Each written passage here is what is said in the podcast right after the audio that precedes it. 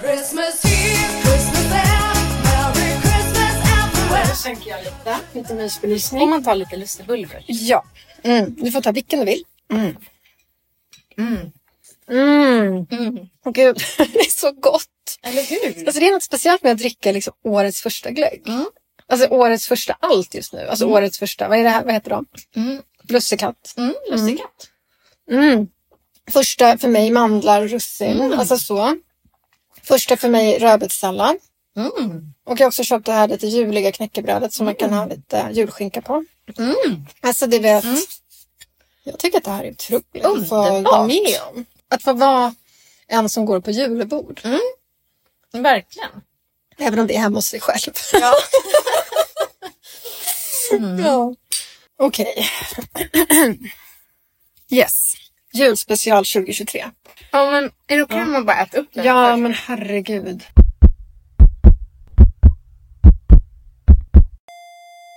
Det är jag som är Lovisa Svensdotter. Och det är jag som är Nina De är. Välkomna till Debutera. Eller dö. Nej, men usch, nu blev det så Nej. negativt Ja, okej. Men, Det är ju det som jag säger, varför pratar jag om det här ens? ja, men, Och det här borde jag inte heller prata Nej, om. För om jag ska nej, försöka sälja den här deckaren så kan jag inte säga att jag hatar det. nej, och du kan inte heller säga att du hatar att ge ut böcker. Du kan inte säga att du är besviken på försäljning. Alltså ingenting inte bara börja här. Inget av det här går att använda. Ja, okej, börja. Vi Kan börjar. vi inte bara prata om dig då? Ja, Okej, vi kan testa. Hur svårt ska det vara? Okej, tagning 325. Mm. Julspecial 2023. Ja! Eh, glögg, mandlar och russin. Treo och Alvedon. Ja, men det har börjat kicka in här. Det Ja. mesta känner jag. Alkohol och eh, acetylsyra. Ja, Heter det? precis. Och tyvärr så fick ju det mig osökt att tänka på din deckare. Ja, vi lägger locket på. Vi lägger locket alltså, på. Vi vet inte ens om det blir Nej, det är ju lite av en cliffhanger det här. Mm. Ju, också att du håller på med en deckare. Jag kan ja. säga så mycket som så här. Mm. Att från det att jag började skriva och startade Debutera eller dö så jag kommit fram till att jag testat väldigt många genrer. Alltså Mm. jag började med barnbok, ungdomsbok och sen så blev det en dystopi. Eh, feelgood har jag också, alltså lite mer Murakami feelgood liksom. Eh, men det var bara romanen som blev utgiven. Och det var ju kul men ganska svårt att överleva på. Så nu tänkte jag, jag har ju inte provat krimmen. Mm. Så jag kanske ska testa det. Mm. Det är helt Bra enkelt det jag idé. säger. Ja. Jättebra idé. Mm. Jag har också skrivit en krim. Va? Ja, fast i manusform ihop med mitt ex. Den tyckte jag ändå var okej. Är det här någon du har barn med? Nej, faktiskt inte. Ett annat ex? Det är ett annat ex. Mm. Mm. Så mina kompisar brukar säga, ja just det, han du inte fick barn med. Ja men det, det är ju alltid något. Mm. Men den kan man damma av vid ett tillfälle. Jag har pratat med honom om det. Kan inte jag få damma av våran gamla krim? För det är ju egentligen bättre om det blir en serie direkt. Mm. För nu är det inte så skam längre direkt till kabel-tv. Nej, precis. Nu det är ju en det dröm. bra. Ja, det är ju det man drömmer om. Liksom. På något sätt. Mm. Ja, nej men exakt. Alltså, så här, det som var roligt med att skriva lite så här krimdeckare, det är ju dels att man så här, får lära sig skitkonstiga saker om typ ett ganska stort yrke som typ ändå är polis. Slash lite sjukvård, slash lite gifter, slash lite olika sätt Mm. att avliva varandra på. Men också liksom, alltså det var lite kul att vara i. Men också som det som är det viktiga. Att man liksom bygger karaktärer som ska vara så intressanta så att de håller över tid. Mm. Det, Det jag också kände var, jag kände viss skam över att bara hålla på och skriva om eh, den vita medelklassen. Alltså Mm. det är ganska grisigt och ganska ointressant. Jag vill liksom komma åt lite andra karaktärer. Och då när jag började rota så skrev jag någonting som jag tänkte först var episkt. För att det utspelade sig liksom, jag har ju bott mycket i, här i röda linjen där vi bor. Mm. Eh, Alby och Fittja och sådär när jag eh, växte upp. Så Mm. jag ville skriva om en karaktär där. Och sen så förstod jag att nej, men det är nog en krim och det är nog en eh, polis. Mm. Men hela tanken med krim då är att man kanske kan komma åt lite mer vanliga människor i Mm. vanliga yrken. Alltså inte bara poliser utan folk de möter. Exakt, Som det är jätteintressant. lärare och Ja, folk jag överallt. håller med. Alltså, det tycker jag överlag är intressant. Man behöver inte, precis, och det behöver inte ens vara krim, utan det kan vara att man skriver om en inte fan vet jag, en, någon som är på en ungdomsmottagning och träffar massa ungdomar. Man kan skriva om en person som eh, jobbar på skola och träffar massa människor. Eller så här, är en yrkesroll som möter starka öden. Alltså att bygga eh, Mm. karaktärer kring det och sen åt, så här, nya fall. Fast det kan vara ja, olika öden. Alltså jag menar bara att det är ju roligt och jag tänker så här, fan vad skönt att skriva en serie så att man liksom redan känner sina karaktärer när man ska skriva det som ska hända. Och att det bara är ett sätt att bygga karaktärerna ännu mer för varje gång de utsätts för någonting. Oavsett om det är ett mord eller att någon ska sätta in en kopparspiral. jag menar, det är ändå intressant att få Ja, men återkomma verkligen. till sina karaktärer.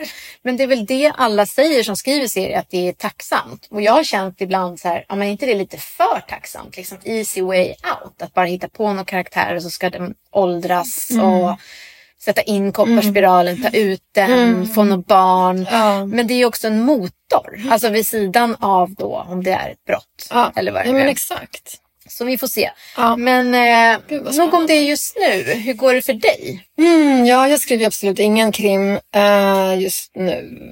Nej, men jag tragglar ju på liksom med samma projekt liksom. Och det är väl lite konstigt att, jag, jag tycker att det är konstigt att det inte går att bli klar. Det är, den, det är den mest, den här boken innehåller så, så jävla mycket.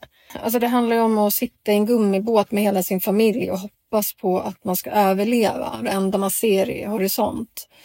Ehm, den handlar om vad som hände i Syrien, om varför det blev krig, om hur det är att våga tro på förändring och våga börja säga ifrån till att slås ner av en regim som är helt jävla galen. Ehm, och så handlar det liksom om flyktingpolitik, EU, Sverige, från typ andra världskriget egentligen. Alltså det handlar ju om 2015. Ehm, det är bara åtta år sedan. Men det är ändå så här, ja, det är som hur länge sedan som helst. För det har hänt så mycket inrikespolitiskt och allrikespolitiskt. Och sen vet jag inte om min bok handlar om det här egentligen. Eller om det bara är i mitt huvud som det handlar om det här. Och jag vet ju absolut inte om jag lyckats gestalta det här. Och, eh, och det är väl det som gör att jag liksom aldrig blir klar. Mm. Och sen kan man ju också tänka så här. Eh, skulle liksom någon ens orka läsa det här om jag lyckades? Alltså för det är så jävla mycket. Men jag tycker ändå att det låter bra eh, att du stannar just vid det här. Jag hörde en intervju i Krimtidspodden som jag nu har börjat lyssna på som jag tycker är bra med eh, Anna Bågstam och eh, Rebecka Edgren. Hon har något mer efternamn. Hur som helst pratar med Lotta Olsson som recenserar deckare i eh, DN. Och då sa ju hon att det hon avskydde var att alla författare försöker vara så dagsaktuella och få in så här, de ska trycka in det som har hänt för tre månader sedan i eh, varje bok istället för att fördjupa sig i någonting som kan ha hänt tidigare som till exempel 2015. Mm. Du kommer ju ha mycket mer liksom, grundligare förståelse. Ja, alltså för min bok handlar ju om typ andra världskriget till... Eh, det har inte med kriget nu mellan Hamas och Israel, men Ukraina nämns. Alltså så här, för att det handlar ju om samma skeenden. Alltså så här, hur vi ser på flyktingar, hur vi ser på människor som flyr från ja, närliggande länder. Och liksom, jag menar det, det är så här, det är ju så aktuellt och det är så jävla det är så här, det här är mänskliga frågor, eller vad heter det? Det är så här urfrågor bara som hela tiden kommer tillbaks och alltid har funnits. Hur vi ser på varandra. Så därför blir jag liksom aldrig klar. Och sen börjar jag tänka, ja men vänta, hade jag verkligen dubbelkollat den där faktan? Och så får jag börja leta igen. Allt jag skriver har jag ju hittat någon gång någonstans. Det finns ju källor på allt, men jag har inte sparat dem. Så jag har ju bara så sex, fem års research som kan vara artiklar, det kan vara böcker, det kan vara samtal, intervjuer, dokumentärer och nu vet jag ju inte om jag kan... Alltså jag vet ju att allt är sant eller att jag fått det från någonstans eller varit med om det själv. Men man blir ändå orolig. När det handlar om en sån här grej så vill man ändå kunna säga, nej men det är... Någonstans har det varit en sanning för någon, det som står i den här boken. Och så kan man inte hålla på. Alltså man kan inte skriva sant för det kommer aldrig, det kommer aldrig vara sant. Det kommer bara vara ett försök till att skildra någonting som var sant för någon. Och det är ju en roman, det är väl det som är lite skönt också. Ja, Att du har makten. Men jag vill ju ändå att det ska kunna skildra en tid som har hänt också. Men börjar den på allvar alltså under andra världskriget? Nej, alltså det, nej, det är mer bara att så här, um, folk refererar till saker som hände under andra världskriget. Alltså, eller jag har ju liksom snöat in på ett krig som heter Lapplandskriget som var ett eh, krig som ägde rum precis i slutet av andra världskriget. Och då var det väldigt många från Finland som flydde över till Sverige Och om man tittar i gamla arkiv så ser man liksom att det var exakt samma tidningsrubriker. Ehm, precis som under 2015, att det kom tusen flyktingar per dag då också. Ja, och då blir det väldigt svårt för mig att välja. Så vad ska jag ha med i den här romanen? För att allt som händer och har hänt och kommer hända liksom processas i min hjärna hela tiden. Och självklart så går inte det att få ner i en bok. Jag fattar ju det. Och jag tror absolut inte att jag är i närheten av att få med allt det här. Till slut så blir det ju bara, ja, vad sätter man stopp? Men det är ju sånt som ändå är guld, guldet i en roman, att man hittar sådana detaljer. Det är ju hela grejen. Det finns ju en dokumentär om Joan Didion som är en gammal journalist som också är typ extremt framstående romanförfattare som nu har dött, amerikansk. Men hon gjorde ju massa resor på 60 och 70-talet, typ bland hippies. Okej. Och då kom hon ju till någon familj där de hade gett barnet LSD. Oj. Eh, för att barnet skulle också få med att uppleva trippen. Och då hade de frågat henne, så här, men hur kände du för det när du gick in där? Och då sa hon bara, let me tell you it was gold. För då kunde hon ju skriva om det. Mm. Jag tänker att där är alltid gold, de där grejerna med vad som hände vid gränsen. Alltså även eh, hemska saker Ja. och jättesjuka saker. Jag tänker du måste ha lärt dig massa. Ja, jag lär mig svinmycket. Men det jag tänker som är skillnaden mellan oss två då, hon du berättade om nu, det är att hon uppenbarligen blir klar. Eftersom att hon är en författare. Det tycker jag är död, intressant. men, ja, dessutom ja. nu är hon död. Ja, det är tråkigt. Ja, men alltså, jag bara menar, när ska man sätta stopp? Jag vet att jag pratade med Petra Redony i början av januari det här året. Just för att skriva så här, eller just för att prata om hur skriver man slutet. Och jag har gått klart kursen med Monica Fagerholm. Det var i februari och hon sa du är nästan klar. Mm.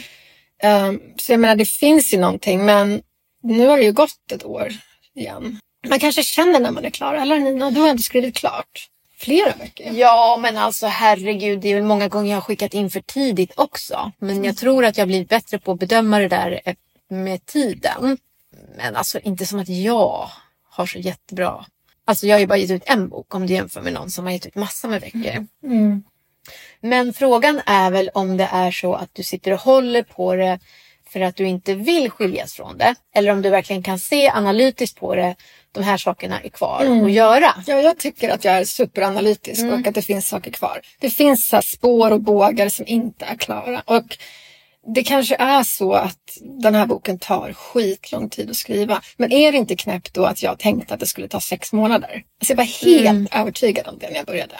Men det är också det Helt där att, övertygad. att livet kommer och bara fuckar upp en totalt med Ja. separationer och flyttar och Mamma, cancer, alltså allting. Ja, Ja, ja.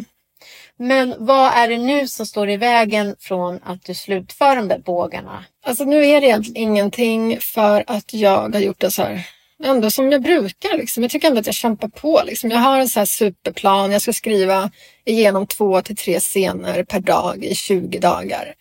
Och då har jag skrivit igenom boken en gång till. Och då har jag idag fixat en, ehm, en lektör. En gratis lektör. Hon och jag ska lektöra varandras böcker. Ja, och hon har ju skrivit en bok eh, som handlar om ungefär det jag skriver om. Lite samma teman. Och hon är lektör. Så då har jag sagt att så här, om du lektörar min bok så lektörar jag din nästa bok. Så hon ska lektöra den i januari. Mhm, vad kul. Då måste jag ju bli klar Ja, men det är ju en bra. Mm. genomskrivning till i alla fall. Ja. Det jag känner nu på andra sidan den här regnbågen som ändå var att få debutera. Det är ju att det här äh, guldet som man tänkte sig på många sätt fanns ju där. Det var fantastiskt kul att få debutera och eh, att någon alltså på ett förlag liksom såg eh, det fina i ens bok och sådär. Men det är ju också ganska snabbt att en bok bara försvinner och eh, Alltså då undrar man så här, nu tänker jag mer så här, hur kunde jag lägga sex år på den och sen finns den i butik i tre månader? Mm, det är som när jag gick förbi en sån här dollarstore vet, korg och såg att de sålde ut böcker för en spänn. Jag tänkte varför håller jag ens på att skriva en bok? Ja, jo, jag förstår känslan. Så nu har jag känt så här, nu ska det gå mycket, mycket fortare. Men det är någonting sorgligt med det. Eh, eller inte sorgligt. Det kan vara sorgligt att hålla på för länge också. Ta det inte som en pik. Men alltså det kan också bli så här att man börjar bli mod eh, fälld och liksom uppgiven. Eh, om det inte blir klart. Men nu har jag ju fått för mig liksom att jag ska jobba fortare. Men då är ju frågan om det handlar om mer eller mindre ångest. Fast att jobba fort, det blir ju inte... Om man tänker sig att nu ska jag jobba fort. Det går ju inte fortare bara för att man säger så. Nej, det är sant.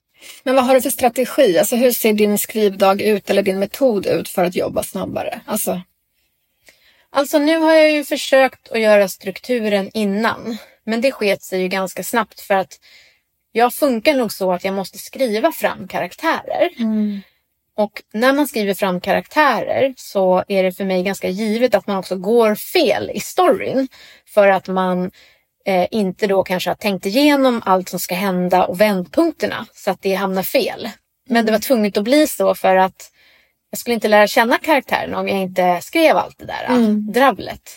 Men det är ju ganska jobbigt att man är så. Alltså att man inte kan bara först eh, plotta fram karaktärerna och sen plotta fram sin synopsis. Men kör det, ja, men det är ju därför vi borde skriva serier sen. Eller du håller på med det redan nu kanske. Så, här, du, så att man får en tid på sig. Man kan skriva igenom karaktärerna, man kan gå massa omvägar. Men sen när man väl har skrivit igenom karaktärerna i den första boken och gått alla de här omvägarna. Det är ju efter det man kan börja plotta upp nästa bok och nästa bok och nästa bok. För då känner du redan karaktärerna. Men det är ett problem om man verkligen ska försöka bli en kommersiell författare och producera en bok på tio månader, alltså år efter år efter år. Då, kan, då har man ju inte ett år på sig att först gå fel och sen, aha, nu vet jag vad jag ska skriva och sen vill man redigera ett år. Då blir det direkt tre år. Alltså du måste vara mycket, mycket snabbare i de här stegen om du vill försöka leva på det eller på något sätt liksom hänga dig kvar. Men Som man kanske författare. inte börjar med att börja med att leva på det direkt. Utan man har först ett år som håller på som du. Man skriver och gör massa misstag, eller inte misstag, massa omvägar och bla bla bla för att hitta karaktärerna. Sen lägger du ett år på att skriva själva boken. Sen, lägg, sen ger du ut den. När den ges ut, då börjar med nästa plott och då kan du redan karaktärerna och det är först efter det man börjar skriva en bok per år. Men nu hoppade du över, sen redigerar du ett år. Men du tänkte att Ah. sen skriver du boken på ett år. Och redigerar på samma Ja. Så tänkte jag att tempot var här. Ja, men det vore ju nice om det kunde gå Fan så. Men nu redan har jag ju, liksom jag har hela historien och jag vet all, liksom gåtan. Problemet är att oj, liksom den stora vändpunkten liksom kommer på sidan 317 fast den borde komma på sidan 200. Det är inte bra. Då har jag liksom dragit ut det för långt. Och det var exakt samma grej som var med Sommarsorger som jag fick det stora rådet från eh, förläggaren på Albert Bonniers innan jag sen blev utgiven senare. Att det skulle flytta fram en vändpunkt. eh, spoiler då kring vad en barnflicka gör eh, i den boken. Det kom inte jag på själv utan det var en smart förläggare som sa till mig. Och återigen har jag liksom inte tänkt till när den perfekta vändpunkten är utan jag har bara skrivit på och skrivit på och låtit den komma för sent. Det är ett problem. För jag tycker det är rätt mysigt när det inte händer så mycket. Det är som att det puttrar på. Ja, men jag läser ju han eh, Jon Fosse. Jon Fosse. Ja, du har en bokcirkel Ja. nu med din mamma. Ja, min cancersjuka mamma och jag. Ja, och den här boken är så tjock och jag hoppas verkligen att hon ska leva så länge så att vi hinner läsa klart den. Det känns lite så här skevt att vi valde typ en bok på typ 800 sidor. Men i vilket fall som Ja. helst, den är jätte, eller så här, det är jättefint att ha en bokcirkel med sin mamma. Men boken är ju verkligen bara så här, han skriver ju inte, han använder kommatecken men inte punkt. Mm. Det är ju bara ett malande. Alltså det är som att vara inne i någons... Han kan ju prata om... Han kan skriva om så här, helt meningslösa saker hur länge som helst. Så det bara puttrar och puttrar och puttrar. Typ så ja idag åt jag det här till frukost och det var ju samma som igår och så ingående vad det handlade om för mat typ. Alltså det är så här, putter kan vara kul men putter kan också vara... Man kan ju fråga sig varför läser jag det här? Men gud, vet du vad jag trodde att du var på väg? Jag trodde att du var på väg.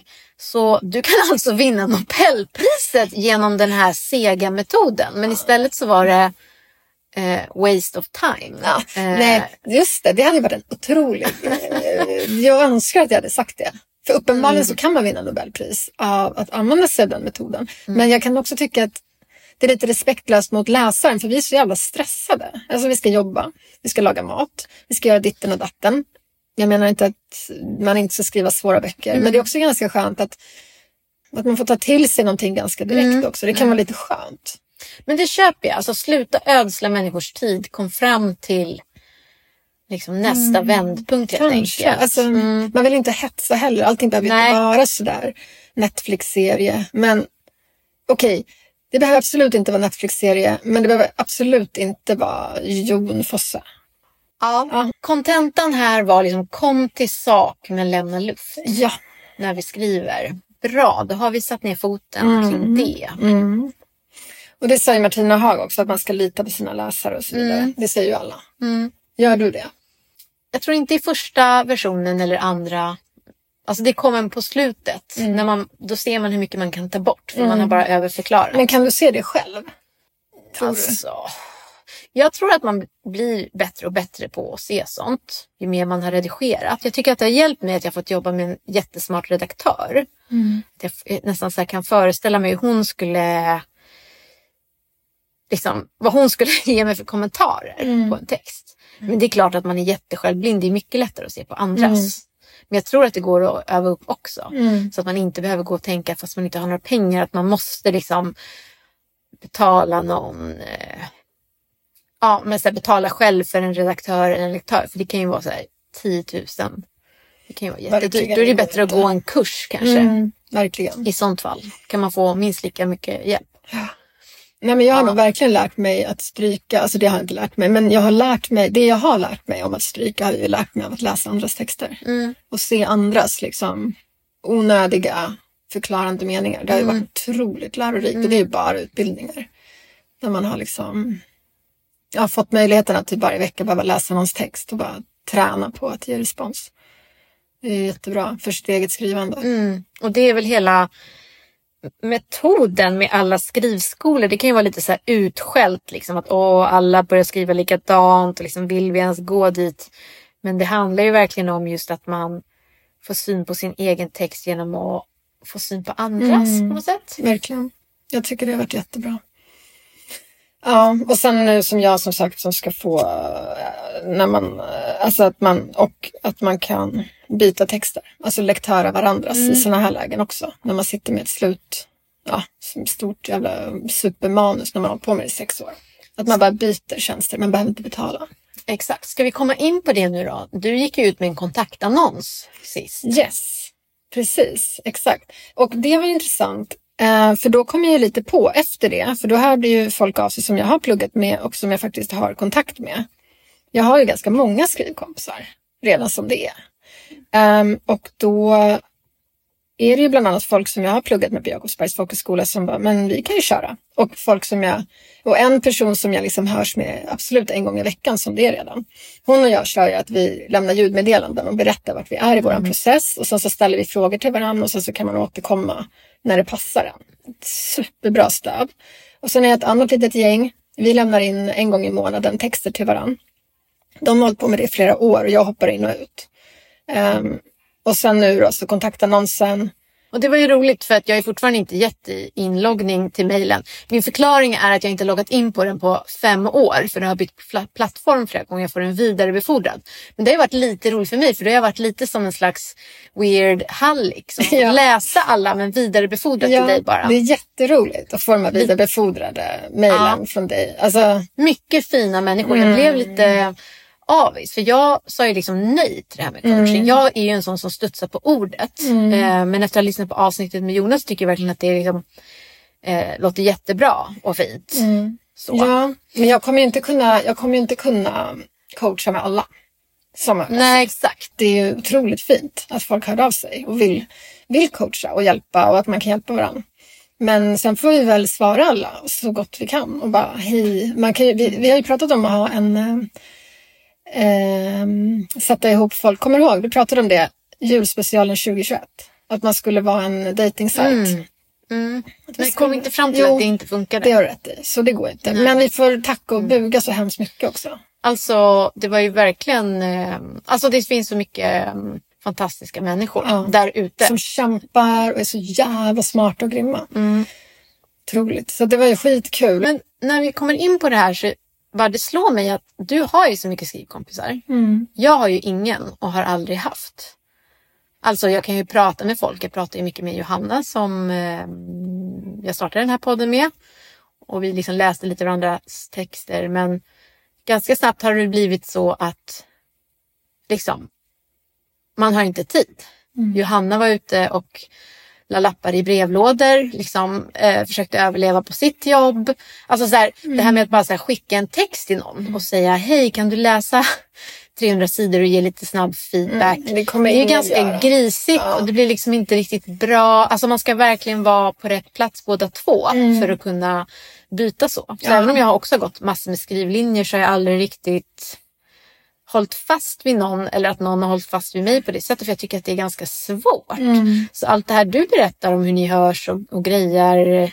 Jag förstår inte riktigt hur det går till. Eller är det jag som bara är en idiot som har liksom vänt bort från alla? Mm.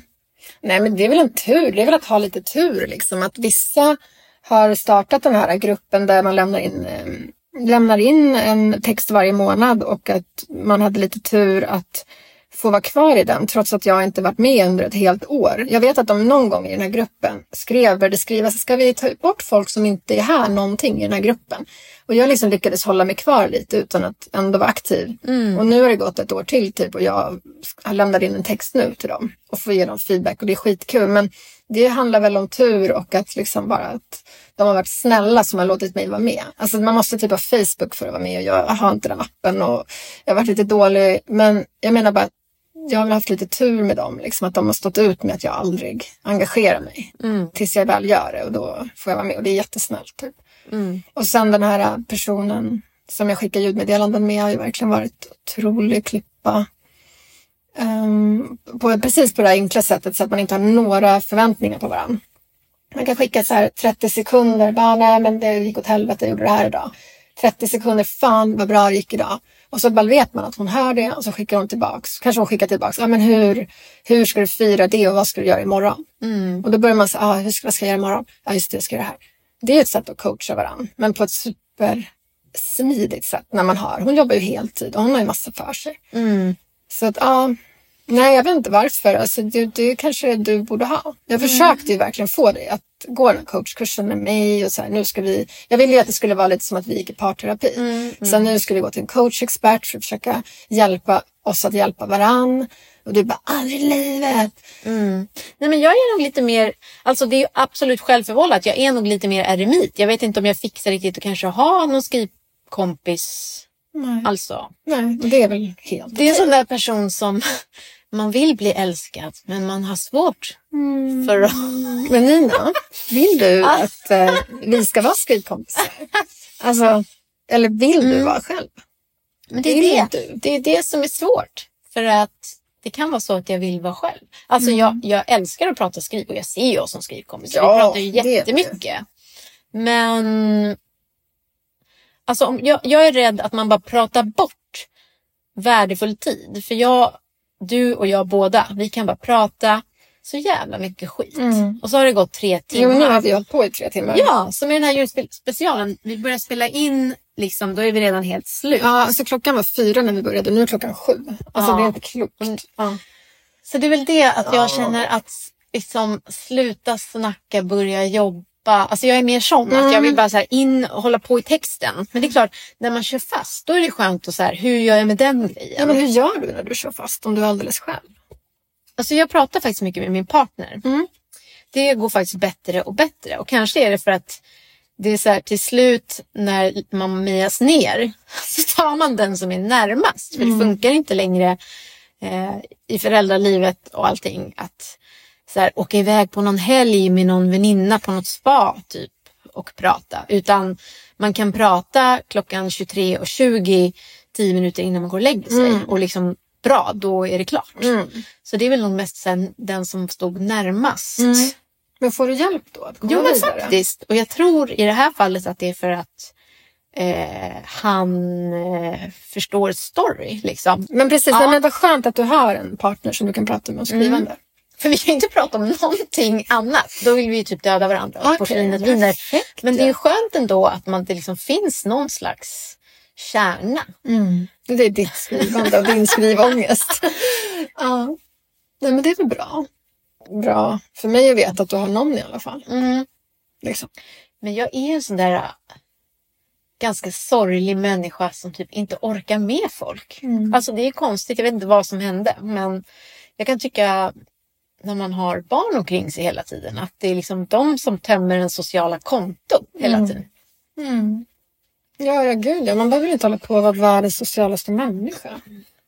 Eh, nej, så det är nog inte mitt nyårslöfte liksom att bli mer social. Nej. Jag skaffa skrivkompis. Nej. Eller jag är ganska nöjd.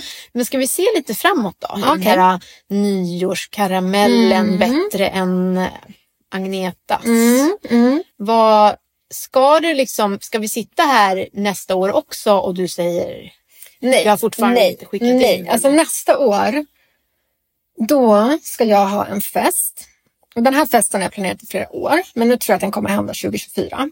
Eller så här, den, det vore kul om det hände 2024 för att det vore kul att liksom få iväg det till förlag ganska snart. Så att den, det kommer aldrig kunna bli utgiven så snabbt om den skulle bli antagen. Men det skulle vara kul om den kunde ges ut 2025. För då är det tio år sedan som allt det här hände, som det jag skriver om. Så det är ju en dröm. Mm. Och då skulle jag vilja ha en fest som jag kallar eh, Skicka till förlagsfest i typ så här april eller mars 2024. Ja. Där jag liksom har eh, som en releasefest. Jag bjuder in alla jag känner, alla kompisar, alla typ kollegor, alla jag någonsin har mött i hela mitt liv till en stor releasefest. Alltså det är inte en releasefest, det är ju så här skickat till förlagsfest.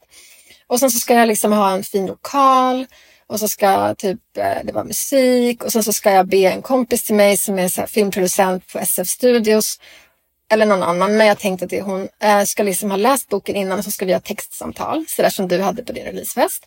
Och sen ska vi ha det och sen så ska jag ha skrivit ut eh, boken i så här egna, bara så här en vanlig skrivare och satt ihop.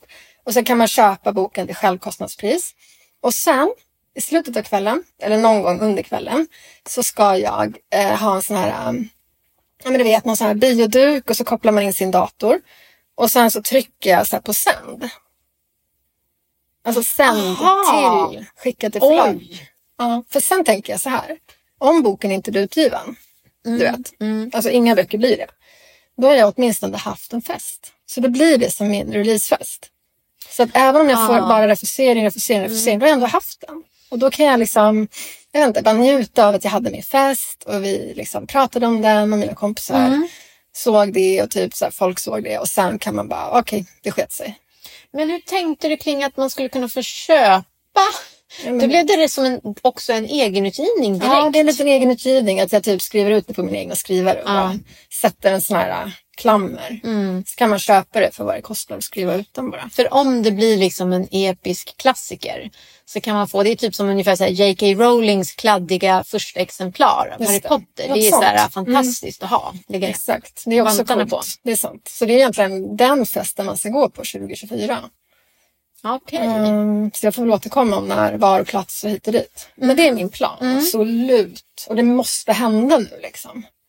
Och då får man räkna lite med när man köper den här äh, självutgivningen då. Att det kommer vara väldigt mycket så här lite smårött. För jag inte, kommer inte vara klar med allt.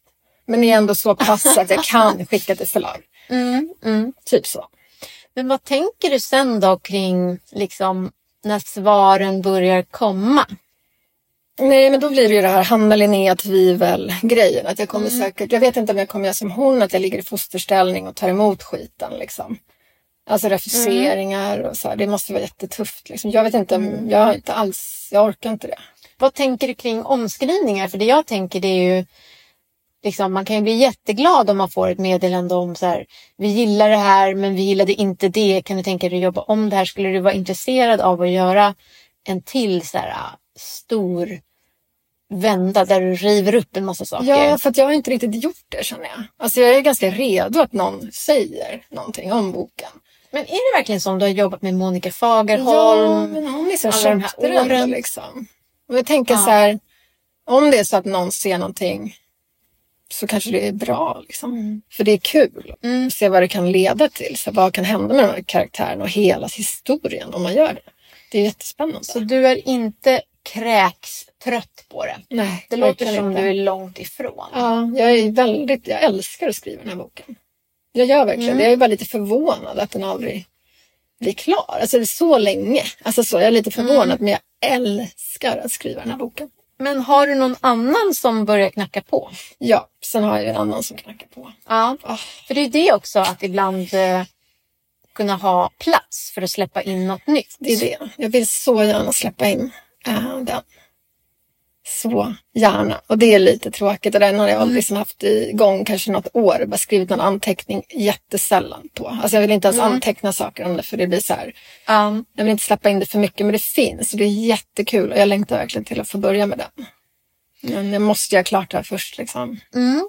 Ja men det där är intressant för jag har upplevt några gånger, alltså jag tror jag har skrivit nu fem liksom, långa manus, att ibland så kan ju någon historia tränga sig förbi fast man är ganska långt gången med någonting och liksom ska ro det i hamn så bara nej, någon annan Gud, börjar glimma Ja. så himla mycket. Mm, har det så hänt att, eh, absolut. Oj, oj, oj. Och då har jag rott den i hamn och sen återvänt till den gamla. Okej. Mm.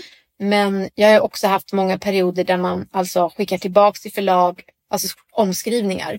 Och då tyvärr kan det ju ta sex månader innan man får svar. Och då hinner man ju återgå till det, till det andra manuset. Och sen när man väl äntligen är så här jättehärligt djupt försjunken i det så får man svaret igen från förlaget på det andra manuset. Bra, kan du skriva om det här också? Mm. Oh, Det är jättekonstigt. Ja, det blir som en sån här dogmafilm, alltså de här panoreringarna från en historia till en annan. Mm. Men jag tror ju om man ska fortsätta vara författare skulle man ju behöva hålla på så. För då ska man ju hela tiden ha grejer i pipeline och I olika skeden. Skriva liksom. nytt och redigera, Visst, ja. gud ja. Och det är ett jobb liksom. Man får Mm. bara göra då. Om man ska hålla på så.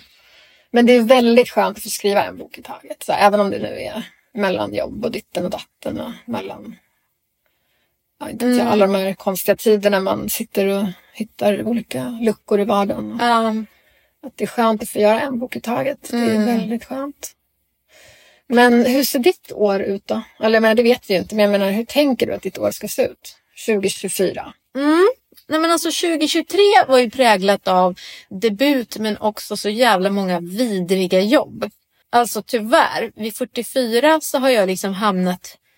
Alltså jag har ju helt devalverat mig som arbetskraft.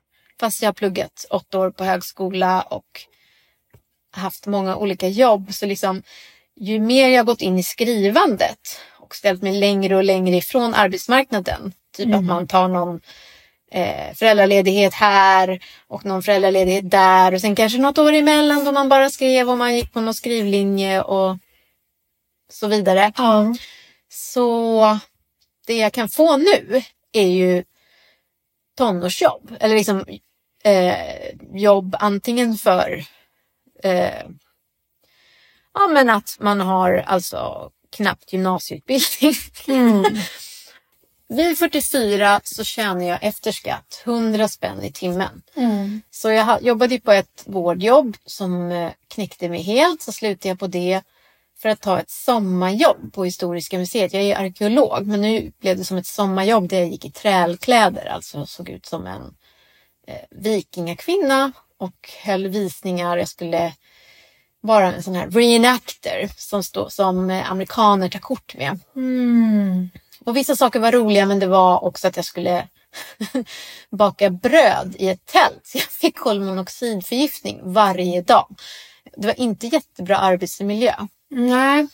Det Så låter jättedåligt. det kan kännas lite tungt att eh, det är liksom de jobben som finns. Mm. Eh, eller Men, att inte ha ett jobb alls att skriva. ja. Okej, så 2023, Mm. ett år av debut men en hel del bökiga jobb som inte gav så mycket eh, stålar. Och framförallt eh, hårda jobb, kroppsjobb, tunga jobb. För mig så dödar de eh, skrivlusten helt. Man kommer hem och är så här arg, ledsen, knäckt.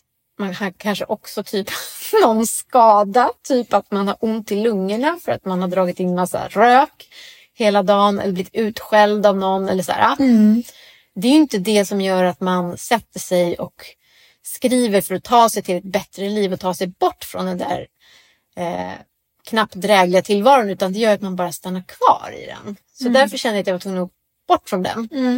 Och då ska jag skriva en krim för att försöka få ett bättre liv. Just det. Och då ska komma in nu på 2024. Hur ser 2024 ut då i ditt nya liv när du ska skriva den här krimmen? Hur ska du lägga upp det? Vad är målet? Målet är väl att jag ska ha skrivit, skrivit den, skrivit igenom den Mm. nästa år. Men det är jävligt svårt. Alltså jag vet ju ingenting om poliser. Min mamma jobbade i polishuset. Jag var en del i polishuset på så fester när jag var barn. Men herregud, jag är inte så jättelockad av det här polisiära. Så det kan ju bli svårt. Mm. Vad, jobbade din mamma, vad jobbade din mamma med? jobbade med ekonomi där. Ja, intressant. Okej. Mm. Ja, okej. Men så du, ditt mål är att skriva klart den under 2024 och skicka iväg den? Eller vad är liksom är målet? Alltså, jag sitter och omvärderar målet nu när vi pratar. För att jag sa till min man att jag skulle skriva klart hela boken till min födelsedag den 9 november. Och det har jag absolut inte gjort. Utan jag är I år? Ja, Ja, men det var ju några veckor sedan. Ja. exakt. Och istället är jag halvvägs och insett att strukturen behöver ändras innan jag skriver vidare. Och då sa jag så här, men kanske till jul. För jag, jag känner en superstress, så här, lite kniven mot strupen, att man måste få ur sig någonting. För det är ju så när man har haft mycket tunga jobb och när man väl har lite skri har sparat ihop cash för att, att få vara hemma och skriva så känner man ju sån jävla, i alla fall jag, press att nu fan ska det bli någonting. För snart ska jag ut på något jävla jobb igen och eh, lågan ska liksom blåsas ut. Och då måste jag liksom fort som fan få ur med det här. Och det är klart att den där eh, den pressen, den är inte bra. Den ger inte den där glöden. Men alla är väl lite pressade nu. Det är väl inte bara jag. Hela Nej, samhället är ju liksom... Gud, det är lågkonjunktur eh, ja, exakt. på alla plan. Så skit i mig. Jag ska liksom bara skriva på och ha det jättebra. Ja, okej. Mm. Ja, okej. Ja, okej. Vi får se. Har det jättebra är lite svårt att se. Men eh, skriva på, det kan jag verkligen se. Ja, Men okej, vad ska vi göra? Hur ska vi göra med podden då? Vad är liksom podd? Vad är, vad är, hur ska debutera eller dö ut 2024? Alltså jag har ju försökt sluta några gånger men du låter ju inte mig sluta. Nej. Alltså jag känner så här, vad fyller jag för funktion? Det är väl det jag har haft lite problem med. Jag har känt lite så här, du gör det ju här så bra själv, men det är jättekul att ses. Ja, det är det. Men Men jag kan inte tvinga dig att vara med. Eh, även om jag försöker. På olika sätt. Så nej, det är ju, där är vi ju två fria människor. Alltså jag älskar ju eh, träffa folk och fråga hur de gör. Liksom, med olika saker i sina skrivprocesser. Och jag har ju använt podden lite nu som någon slags egen terapi. Att jag bara frågar saker om exakt där jag befinner mig själv. Som till exempel Petra Reveny om så här, att skriva slutet. För det höll jag ju på med. Det har jag hållit på med i flera år. Men ja, jag frågade henne om det. Eller liksom humor. Det var skitkul. Träffa Anders Jansson och prata om humor. Ehm, för att jag tycker det är så jävla kul att skriva humor. Alltså, så att det är ju mer som ett så här, lite ett så här schysst sätt att bara få träffa folk som man är intresserad av eller liksom att de håller på med något man är intresserad av. Så jag vill ju bara fortsätta ställa frågor, frågor, frågor. Men jag måste säga att alla skrivpoddar, de är ju bra på det att de ger en känsla av att man får visualisera kring sitt skrivande. Alltså mer det kanske Monica Fagerholm-metoden, en bok är en vision. Mm, Så det är ju liksom att visualisera och att man fortsätter se sig själv. Jag fortsätter skriva. Jag kommer göra det imorgon och i övermorgon och allt det där. Just det. Och ibland kan jag ju tänka fortfarande, som kanske kan kännas lite som ett grisigt quote, men så här, äh, ett år från idag kommer du vara glad för att du började. Eller liksom bara satte rumpan på stolen och eh, körde. Istället för att man hela tiden, i alla fall, det är lätt att man tänker, nej men det går ändå inte och det är eh, inte läge nu och eh, nästa sommar kanske. Utan att man ändå bara oavsett vilken skit som är runt omkring en. Att man ändå kör. För tänk vad spännande det ska bli om ett år. Får se. Ja, det är väldigt fint. Väldigt fint. Och sen, sen tänker jag på det som typ du och Johanna sa någon gång i något avsnitt som var så här. Äh, Det är något så här japanskt ordspråk. Typ att så här, det bästa är om man hade planterat ett träd i för hundra år sedan. Och den näst, det näst bästa är att man planterar det idag. Att så här, man kan gräma sig. Jag borde börjat för ett år sedan. Ah, jag borde börjat skriva för ett år sedan. Men det är också helt okej att börja idag. Ja, men Johanna var bra på att rota fram mycket såna här äh, japanska ordspråk. Men det är lite humor också i det. Just det där med om ett år från nu kommer du vara glad. För det är så här, ja, men du kommer ha det skitjobbigt. Alltså det är inte en mindfulness-metod. Nej, Utan det är snarare liksom en eh, Piska dig piskmetod. Mm. Exakt, liksom att moroten är vad skönt när det är över. Men det är inte riktigt så, för det är en spännande resa. Men det är ju jävligt jobbigt att börja och här, härda, härda i. Jag vill ju Mm. ge upp typ varje dag, fast jag har skrivit många manus så känns det som att det aldrig kommer gå igen varje gång. Det är väl konstigt. Mm. Ja, det är jättekonstigt. Och det är därför det kan vara lite fint att ha skrivvänner, Nina. Men du har ju din partner. Men jag menar bara att det är så jävla ensamt ibland. Fan vilken tur att det finns andra människor. Eller också att man har lyckats tidigare. Du vet ju att du har skrivit flera manus. Du kommer troligtvis klara av det en gång till. Så man, man lutar ju sig mot sina erfarenheter också. Men det är ju tufft. Mm. Och man vet ju aldrig. Om ett år från nu, liksom. Vilket skämt. Och lite det här, okej, även om boken blir utgiven liksom och den säljer så här och så här och den får ett snitt på Storytel. Mm. Liksom, jag kan redan nu se det. Så här, ja, det här blir en 3,6 och eh, en del kommer skriva den här författaren älta bara bla bla bla. Gav upp efter en timme. Alltså jag kan redan nu se de här Mm. kommentarerna framför mig. Alltså det får du inte så... göra. Det får du inte göra Nina om du ska skriva. Du kan inte se det framför dig. Du måste ju bara släppa det och gå in i ditt skrivande. För jag tänkte att det var kanske bra, alltså mer härda sig. Precis som om du vill bli stå-upp-komiker eller typ eh, artist. Alltså att stå på en gata och sjunga med en bergsprängare och en mick. Ja, om du får en kick av det så att du fortsätter stå på en gata och sjunga en mick. Fast folk Men- bara går förbi. Ja, liksom. exakt. Om du får en kick av det, då funkar det. Men jag vet inte om du får en kick av att tänka på att folk kommer sluta lyssna 27 procent in. Fast det är då man ska lägga in Ja, den här spännande... om du använder det som en skrivteknik. Ja. Precis. Då är det ju bra kunskap. Nej men alltså, det är ju så det är att ge ut en bok. Att man ska läsa de där kommentarerna och få ett snitt. Alltså allt, går du på en restaurang så får den ett snitt på fan Google eller vad det heter, Mm. Yahoo.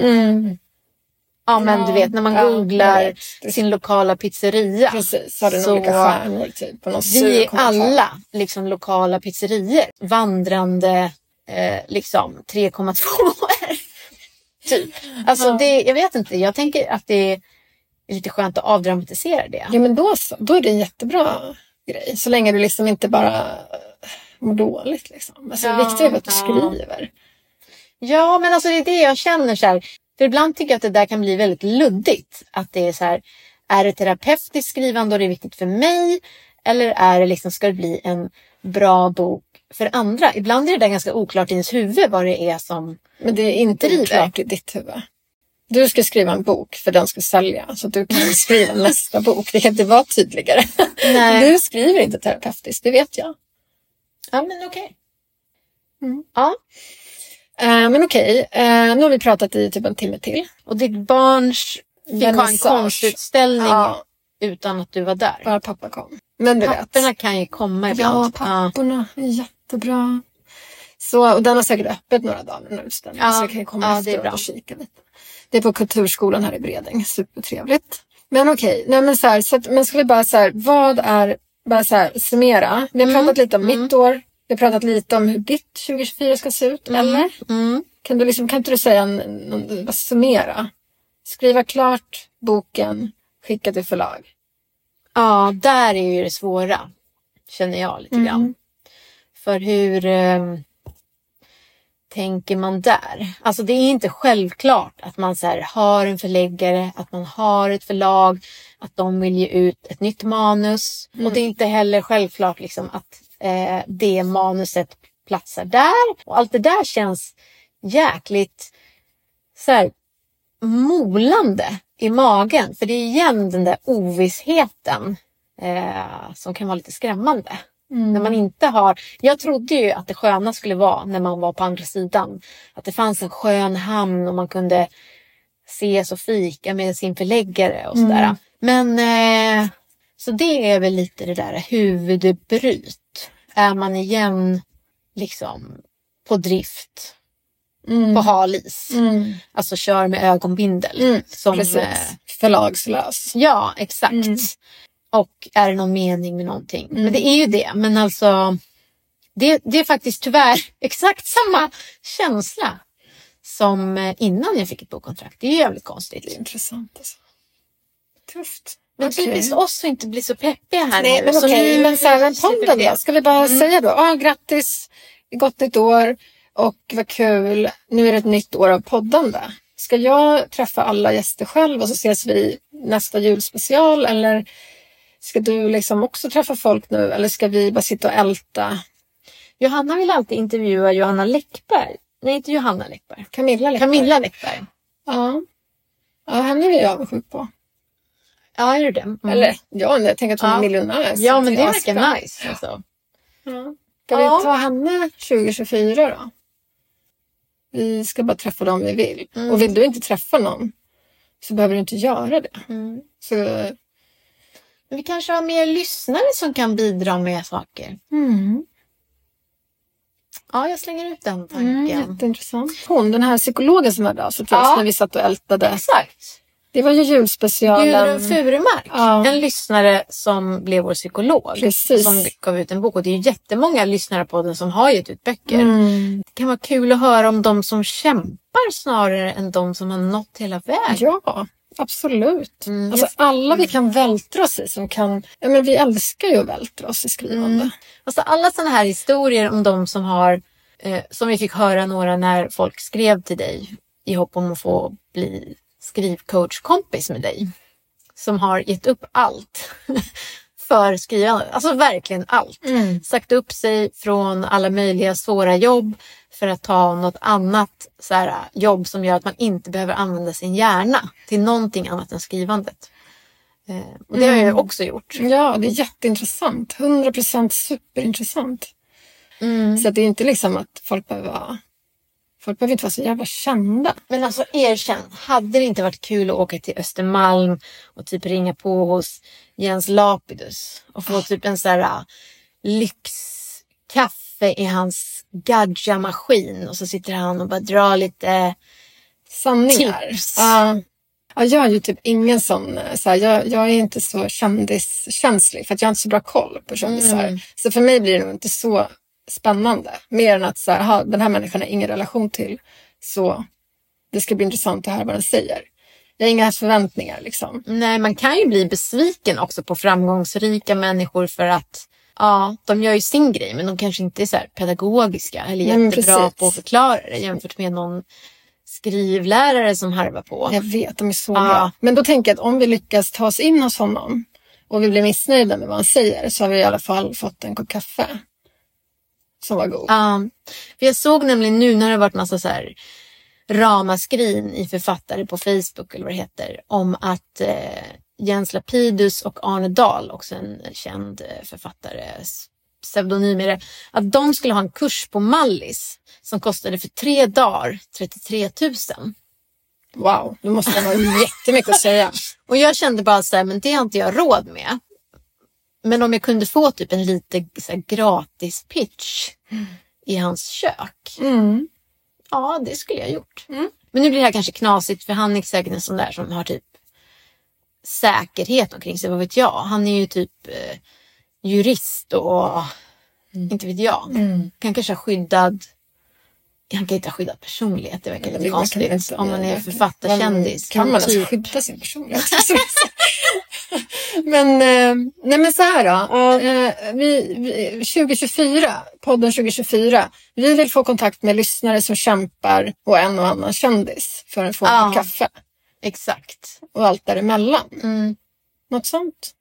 Ja, det låter bra. Nej men skål då i glögg, Ja. som vi säger. Skål! Klanglös, men ja. Ja, nu är det ju slut. Ja. Det hör man ju. Nej, Ja, men det- eh, nej, men god jul Nina. Det var superfint att se dig. Mm. Fantastiskt. Nu kör vi nytt skrivår 2024. Det är då allt händer. Yes. Mm. Mm. Och så kommer du på min eh, skicka till förlagsfest. Ja, Mm.